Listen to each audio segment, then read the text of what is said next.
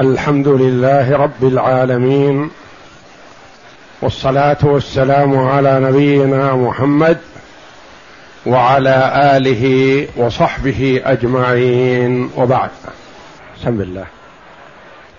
بسم الله الرحمن الرحيم. الحمد لله رب العالمين والصلاة والسلام على أشرف الأنبياء والمرسلين نبينا محمد وعلى آله وصحبه أجمعين. قال الناظم رحمه الله تعالى واحكم على المفقود حكم الخنثى إن ذكرا يكون هو أو أنثى. إن ذكرا كان, إن ذكرا كان أو هو أنثى. إن ذكرا كان أو هو أنثى. قول الناظم رحمه الله تعالى واحكم على المفقود حكم الخنثى.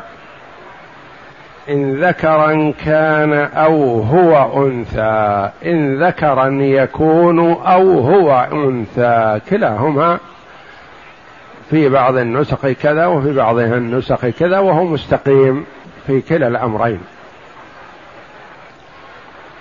تقدم لنا الكلام على الخنثى وهو من له آلة ذكر وآلة أنثى. ولم يتميز. أو ليس له لا هذا ولا هذا وإنما له الثقبة. لا تشبه آلة الذكر ولا تشبه آلة الأنثى. وتقدم لنا أن له حالتان. حالة يرجى اتضاح حاله وحاله لا يرجى اتضاح حاله. وتقدم الكلام على هذا بأن نجعل له مسألتين مسألة ذكورية ومسألة أنوثية. المسألة الأولى نفرض أنه ذكر ثم نفرض أنه أنثى. ثم إن كان يرجى اتضاح حاله أوقفنا شيئا ما حتى الاتضاح. وإن كان لا يرجى اتضاح حاله ضربنا الجامعة الأولى باثنين والناتج يكون هو الجامعة الثانية ثم نعطي هذا كل واحد من الورثة من المسألتين ونجمع حقه من المسألتين ونقسمها على اثنين والناتج هو نصيبه. وفي هذه الحال يقول رحمه الله واحكم على المفقود حكم الأنثى. اولا المفقود من الفقد وهو أن تبحث عن الشيء فلا تجده. والمفقود في باب الفرائض هو من غاب ولا يعلم له موت ولا حياة. انقطعت أخباره ولا يعلم عنه. أهو حي أم ميت؟ وحاله تختلف. حالة يغلب عليها أنه سليم وموجود. وحالة يكون الغالب عليه الهلاك. عندنا عند الحنابلة يقولون ما كان غالبه السلامة. ينتظر فيه تسعون سنة منذ ولد. لا يحكم بموته ولا حياته حتى الأصل الحياة ولا يحكم بموته حتى يبلغ تسعين سنة فحينئذ يرجع إلى الحاكم ويحكم بموته. والذي غالبه السلامة هو من سافر للسياحة. أو لطلب العلم أو للتجارة. سافر سفرا الغالب أنه سالم وأنه عاش في المنطقة التي هو فيها وانقطعت أخباره. النوع الثاني غالبه الهلاك يعني يترجح أنه هالك أكثر من رجحان أنه حي موجود وهو من فقد بين الصفين.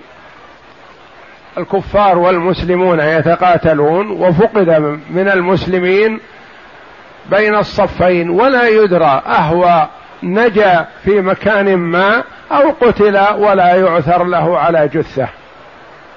فهذا الغالب أنه إذا فقد بين الصفين أنه ميت. أو كان في مركب في سفينة في البحر وانكسرت وسلم من سلم ونجا من نجا ولا يدرى. من سلم ممن هلك. هذا الغالب عليه إذا انقطعت أخبار والغالب عليه الهلاك. وكذلك إذا خرج إلى الصلاة من أهله. ولم يعد. الغالب أن من خرج إلى الصلاة أو خرج لحاجة أنه يعود قريبا ويعلم عنه. لكن إذا خفي أمره فالغالب عليه الهلاك أنه اختطف أو قتل أو صدم أو حصل عليه شيء ما وخفي أمره. الغالب عليه الهلاك. ومن كان الغالب عليه الهلاك ينتظر فيه أربع سنوات منذ فقد. وهذا التحديد تقريبي. ولهذا جمهور العلماء رحمهم الله على خلاف ذلك كما هو رواية عن الإمام أحمد أنه يرجع في كلا الأمرين للحاكم الشرعي. وهذا والله أعلم أقرب لأن تحديد تسعين سنة طيب تسعين وتسعة وثمانين ماذا بينهما؟ أربع سنين آه، تنقص أربعة أشهر خمسة أشهر ماذا بينهما؟ ما يصلح التحديد إلا بشيء ورد فيه نص.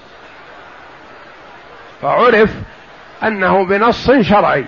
أما بناء على اجتهاد وكذا فالتسعين وما حولها مثلها. والأربع سنين وما حولها مثلها. فالأقرب وخاصة في مثل هذا الزمن وفي وقتنا الحاضر أن الأمور تظهر ويبين. والاتصال سهل. كان أول إذا سافر للهند أو لكذا أو كذا انقطعت أخباره. ما يدرى عنه. الآن سواء كان قريب أو بعيد يمكن أن يتصل به وأن يتصل وأن يخبر عن نفسه ويخبر عنه ويتتبع مثلا خروجه مع المنافذ خرج وأين استقر وهكذا. فالأولى والله أعلم في مثل هذه الأزمنة أن يكون المرد في كلا الأمرين لحكم الحاكم. أنه يتتبع مثلا أن هذا المركب انكسر في البحر. ونجا أناس. الناجون يتصلون. ويعرفون. ويسعفون. وينقلون للعلاج ونحو ذلك. والهالكون هلك في البحر اختطفتهم الحوت وذهبوا. انه ما يخفى أمرهم وكذلك من سافر لسياحة أو لطلب علم أو لتجارة يكون في اتصال. هذا هو الأقرب أن مرد الأمرين إلى حكم الحاكم فهو يجتهد ويسأل ويكلف من يتابع الأمر ثم يجتهد ويحكم بموته. ثم إذا حكم بموته قد يكون شخص ممن هو يرثه. مثلا مات في هذا الأثناء. ورثته هو. كيف يرثونه؟ لأن فيه مثلا من يحجب بعض الورثة ومن لا يحجب ومن يتأثر بموته أو حياته ومنهم من لا يتأثر بموته ولا حياته. ممن يشاركونه في الميراث. فيقال مثلا إذا قبل أن يحكم بموته ورث هو مع أناس آخرين. والآخرون قالوا نريد نصيبنا. ما نحن منتظرين عشر سنين أو تسع سنين أو تسعين سنة. نريد نصيبنا من الميراث. نقول لا ندري. قد يكون حي فيحجبكم من الميراث أو يحجب بعضكم. وقد يكون ميت فترثون. فمن كان معه له أحوال. إما أن لا يتأثر بموته أو حياته. فيعطى نصيبه كاملا. مثال ذلك هلك هالك عن زوج وابن وابن مفقود. الزوج يتأثر؟ لا ما يتأثر. الزوج له الربع. سواء كان المفقود هذا حي أو ميت. وأحيانا يكون يتأثر بوجوده كونه حي يستفيد من حياته أو يستفيد من موته. فتختلف الحال فحينئذ نقول نجعل مسألة التي فيها المفقود نجعل مسألتين مثل ما قلنا في الخنثى المشكل. نجعل مسألتين. الخنثى المشكل نجعل مسألة ذكورية ومسألة أنوثية لا أكثر ولا أقل. المفقود نجعل مسألة حياة ومسألة موت. نجعل مسألتين مسألة حياة ومسألة موت. ثم شركاؤه في الميراث من لا يتأثر بحياته ولا موته يعطى نصيب كامل. من يتأثر يرث في حال حياته ولا يرث في حال موته. أو يرث في حال موته ولا يرث في حال حياته. هذا ما نعطيه شيء لأن ما ندري. من يرث في حال حياته وفي حال موته لكن متفاضل. يرث هذا سواء كان المفقود حيا أو ميت لكنه يتأثر بالحياة كثرة أو قلة. فهذا يعطى الأقل والأضر في حقه ثم يحفظ الباقي مثل ما قلنا في الخنثى المشكل يحفظ الباقي. بعد اتضاح الأمر وحكم الحاكم يزول الإشكال. يعني بعد حكم الحاكم إذا حكم الحاكم يكون كأنه نفس اليوم توفي الرجل. فمن كان من أقربائه توفي قبل هذا بساعة فإن المفقود يرث منه لأن المفقود محكوم بحياته ثم حكم بموته. ومن مات بعد الحكم فإنه يرث من المفقود والمفقود لا يرث منه لأنه حكم بموته قبل موت صاحبه. ويتضح هذا بالمثال مع أن مسائله تشبه من وجه كبير حالة الخنثى المشكل. نفس المثال السابق الذي قلنا. هالك عن زوج وابن وابن مفقود. الزوج يقول أعطوني نصيبي. الابن يريد نصيبه. فعندنا شخص ما يتأثر بالمفقود. حيا أو ميت فنعطيه نصيبه كاملا.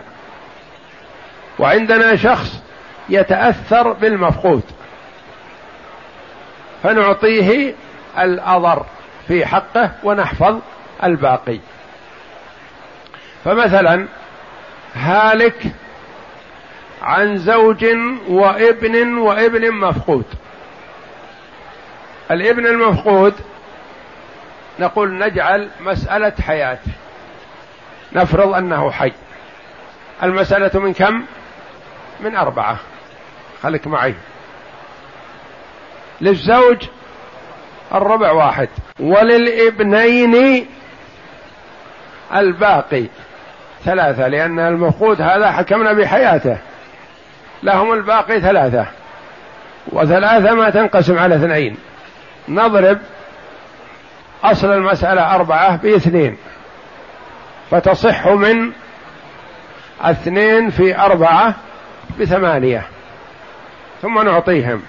نقول للزوج واحد في اثنين باثنين. ما اختلف نصيبه. واحد من أربعة اثنان من ثمانية كل واحد.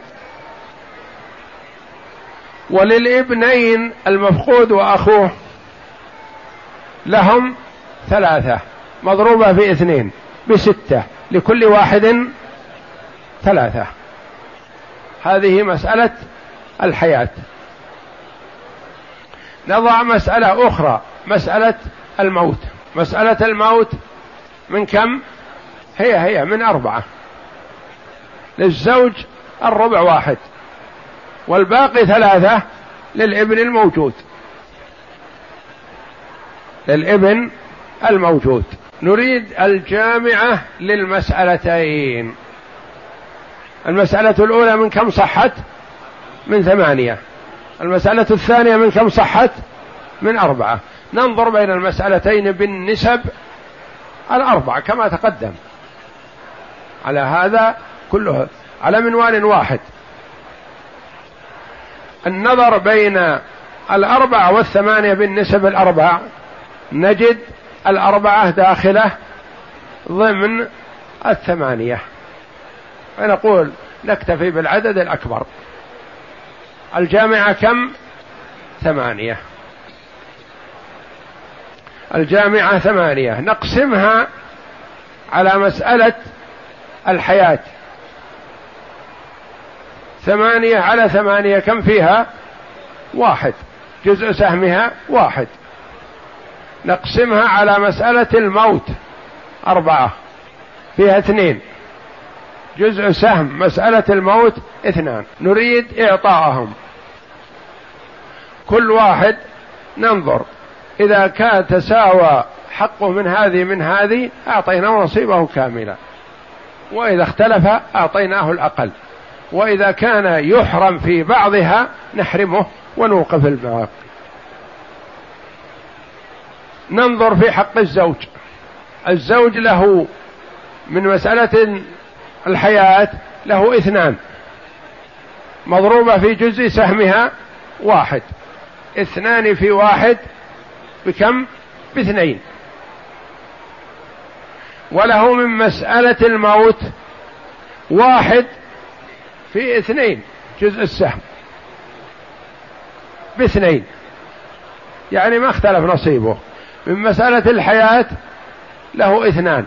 ومن مسألة الموت له إثنان. نعطيه نصيبه كاملا من مسألة الحياة أو مسألة الموت. أخذ نصيبه اثنين من ثمانية هي الربع. الابن الموجود له من مسألة الحياة ثلاثة في واحد. بكم؟ ثلاثة.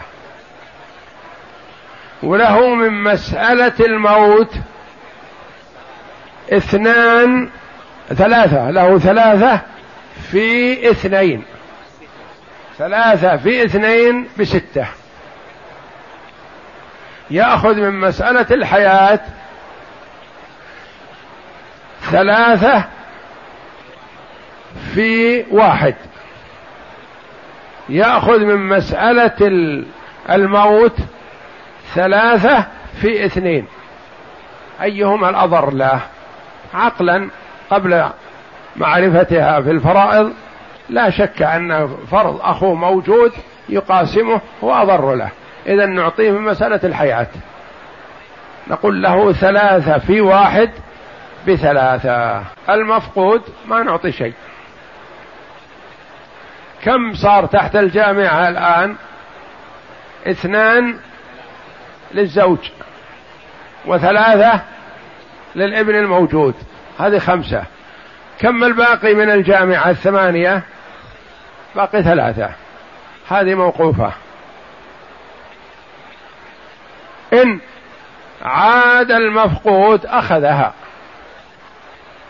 ويكون الزوج أخذ اثنين والابن الموجود أخذ ثلاثة. والابن المفقود بعدما عاد أخذ ثلاثة ساوت. إن لم يعد المفقود حكم بموته ومات وعلم أنه ميت لمن تكون هذه الثلاثة؟ تقسم بين الزوج والابن؟ لا الزوج ما له شيء لأنه أخذ نصيبه كامل.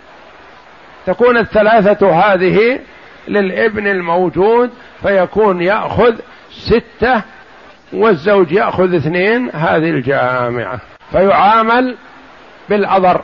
يعامل الموجود المشارك له يعامل بالأضر. اكتب هالك عن أم وزوج وأخ لأم وأخ لأب مفقود. أكرر. عن أم وزوج وأخ لأم وأخ لأب مفقود. هذه فيها من لا يتأثر بالمفقود حيا أو ميتا. وفيها من يتأثر بالمفقود إذا كان حيا فينقص وإذا كان ميتا فيزيد ميراثه. نجعل مسألة حياة ومسألة موت. مسألة الحياة من كم؟ يا ترى. عندنا أم وزوج وأخ لأم وأخ لأب. أم وزوج وأخ لأم وأخ لأب. المسألة من ستة. الحياة. الأم كم تأخذ؟ واحد. السدس لوجود أخوين. الزوج كم يأخذ؟ النصف ثلاثة لعدم الفرع الوارث. الأخ لأم له فرض السدس واحد. كم بقي في المسألة؟ الأم أخذت واحد والزوج أخذ ثلاثة والأخ لأم أخذ واحد. بقي واحد يقول عليه الصلاة والسلام ألحقوا الفرائض بأهلها فما بقي فلأولى رجل ذكر. هذا المفقود هو أولى رجل ذكر يأخذه.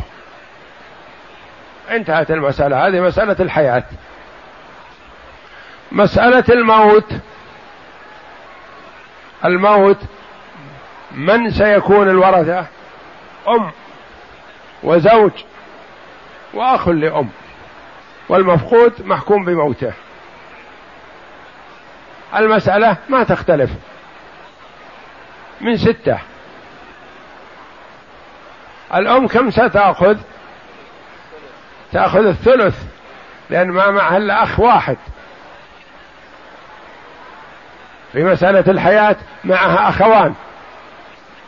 في مسألة الموت مع أخ واحد. فتأخذ الثلث. الزوج يأخذ النصف. ثلاثة ما يختلف. الأخ لأم يأخذ السدس واحد. المفقود محكوم بموته. يعني معتبر كأنه ميت ولا إلى الآن ما حكم بموته. عندنا مسألتان.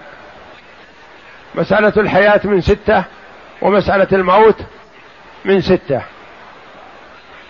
المسألتان بينهما تماثل. نكتفي بواحدة تكون هي الجامعة. الجامعة ستة. الجامعة نقسمها على مسألة الحياة ستة على ستة يكون جزء السهم واحد. نقسمها على مسألة الموت ستة على ستة يكون جزء السهم واحد. نعطيهم. انتبه للأم. إذا أعطيناها من مسألة الحياة تأخذ واحد في واحد. بواحد وإذا أعطيناها من مسألة الموت تأخذ اثنين في واحد باثنين. كيف نعاملها؟ نعاملها نعطيها مسألة الحياة لأنه أضر بها. ونحن نعامل بالأضر ونحفظ الزائد. فنقول نعطيها من مسألة الحياة واحد في واحد بواحد. الزوج إذا أعطيناه من مسألة الحياة قلنا له ثلاثة في واحد. من مسألة الموت له ثلاثة في واحد. سيان. نعطي ثلاثة له النصف. ما يختلف. حي المفقود أو ميت. الأخ لأم مثله. سيأخذ من مسألة الحياة واحد في واحد. أو يأخذ من مسألة الموت واحد في واحد. فنعطيه واحد في واحد ما يختلف. المفقود أخوه أو قريبه أو وليه أو ولده يقول أعطونا نصيبه. ما حكم بموته؟ نقول لا. إن لو أعطيناهم مسألة الحياة أخذ واحد وإذا أعطيناه من مسألة الموت ما أخذ شيء. فنقول نعامله بالأضر. الأضر في حقه أن نجعله كأنه ميت. نجمع ما تحت الجامعة. تحت الجامعة الأم أخذت واحد والزوج أخذ ثلاثة والأخ لأم أخذ واحد. بقي كم؟ واحد. من نعطيه؟ ما نعطيه أحد. يكون في بيت المال. على نظر القاضي. محفوظ. إن جاء المفقود أخذه. وإن لم يأتي المفقود وحكم علمنا أنه ميت قبل عشر سنين من يعطى للأم. لأن الأم تكون في حالة موت المفقود تأخذ الثلث ونحن ما أعطيناها إلا السدس اكتب هذه واجب للأسبوع القادم إن شاء الله. هالك عن أم وشقيقة. يعني أخت شقيقة وأخ شقيق مفقود وأخت لأب وابن عم. أكرر هالك عن أم وشقيقة وشقيق مفقود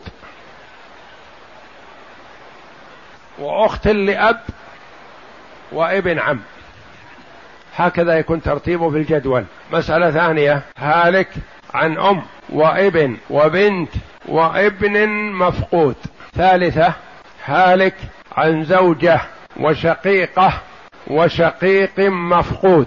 وابن أخ لأب. ثلاث مسائل. نضع لها علامات بدون تصحيح الآن. المسألة الأولى ستكون جامعتها ثمانية عشر. المسألة الثانية جامعتها ثمانية عشر. المسألة الثالثة جامعتها أربعة. مسائل الخنثى المشكل تسهل موضوع مسائل المفقود والحمل كما سيأتينا لأن عند العلماء يجعلونها في باب واحد. خنثى مشكل مفقود حمل. إلا أن الحمل يختلف في تعدد المسائل أكثر. ممكن أن تصور أنت بعض المسائل وتحاول حلها. ولا تكثر على نفسك. لا تجعلها من المسائل التي تطول. احرص على أن تكون جامعتها أربعة ثمانية ستة ستة عشر ثمانية عشر وهكذا أسهل لك. وإذا عرف طالب العلم السهلة عرف ما هو أطول لأن المهم معرفة الطريقة في الفرائض. الفرائض إذا عرفت الطريقة بالمسائل السهلة عرفتها في المسائل المطولة. لكن المهم أن تعرف كيف تعمل. تحل مسألة الحياة ثم تحل مسألة الموت ثم تنظر بين المسألتين بالنسب الأربع والناتج يكون هو الجامعة. ثم تقسم الجامعة على مسألة الحياة والناتج هو جزء سهمها. وتقسم الجامعة على مسألة الموت والناتج هو جزء سهمها. ثم تعطي كل وارث من لا يتضرر تعطيه نصيبه كامل. ومن يتضرر بالحياة أقل تعطيه الأقل. ومن لا يرث في حال الحياة ما تعطيه شيء. وتبقي الباقي موقوف حتى يتضح الأمر. وفي الرحبية الناظم رحمه الله اختصرها اختصار. الإمكان الرجوع إلى عدة الباحث أو الرجوع إلى الفوائد الجلية. عدة الباحث التي سبق أن درسناها والفوائد الجلية للشيخ عبد العزيز بن باز رحمه الله فيها إيضاح. والرائد في علم الفرائض للدكتور محمد عيد الخطراوي وغيرها من كتب الفرائض.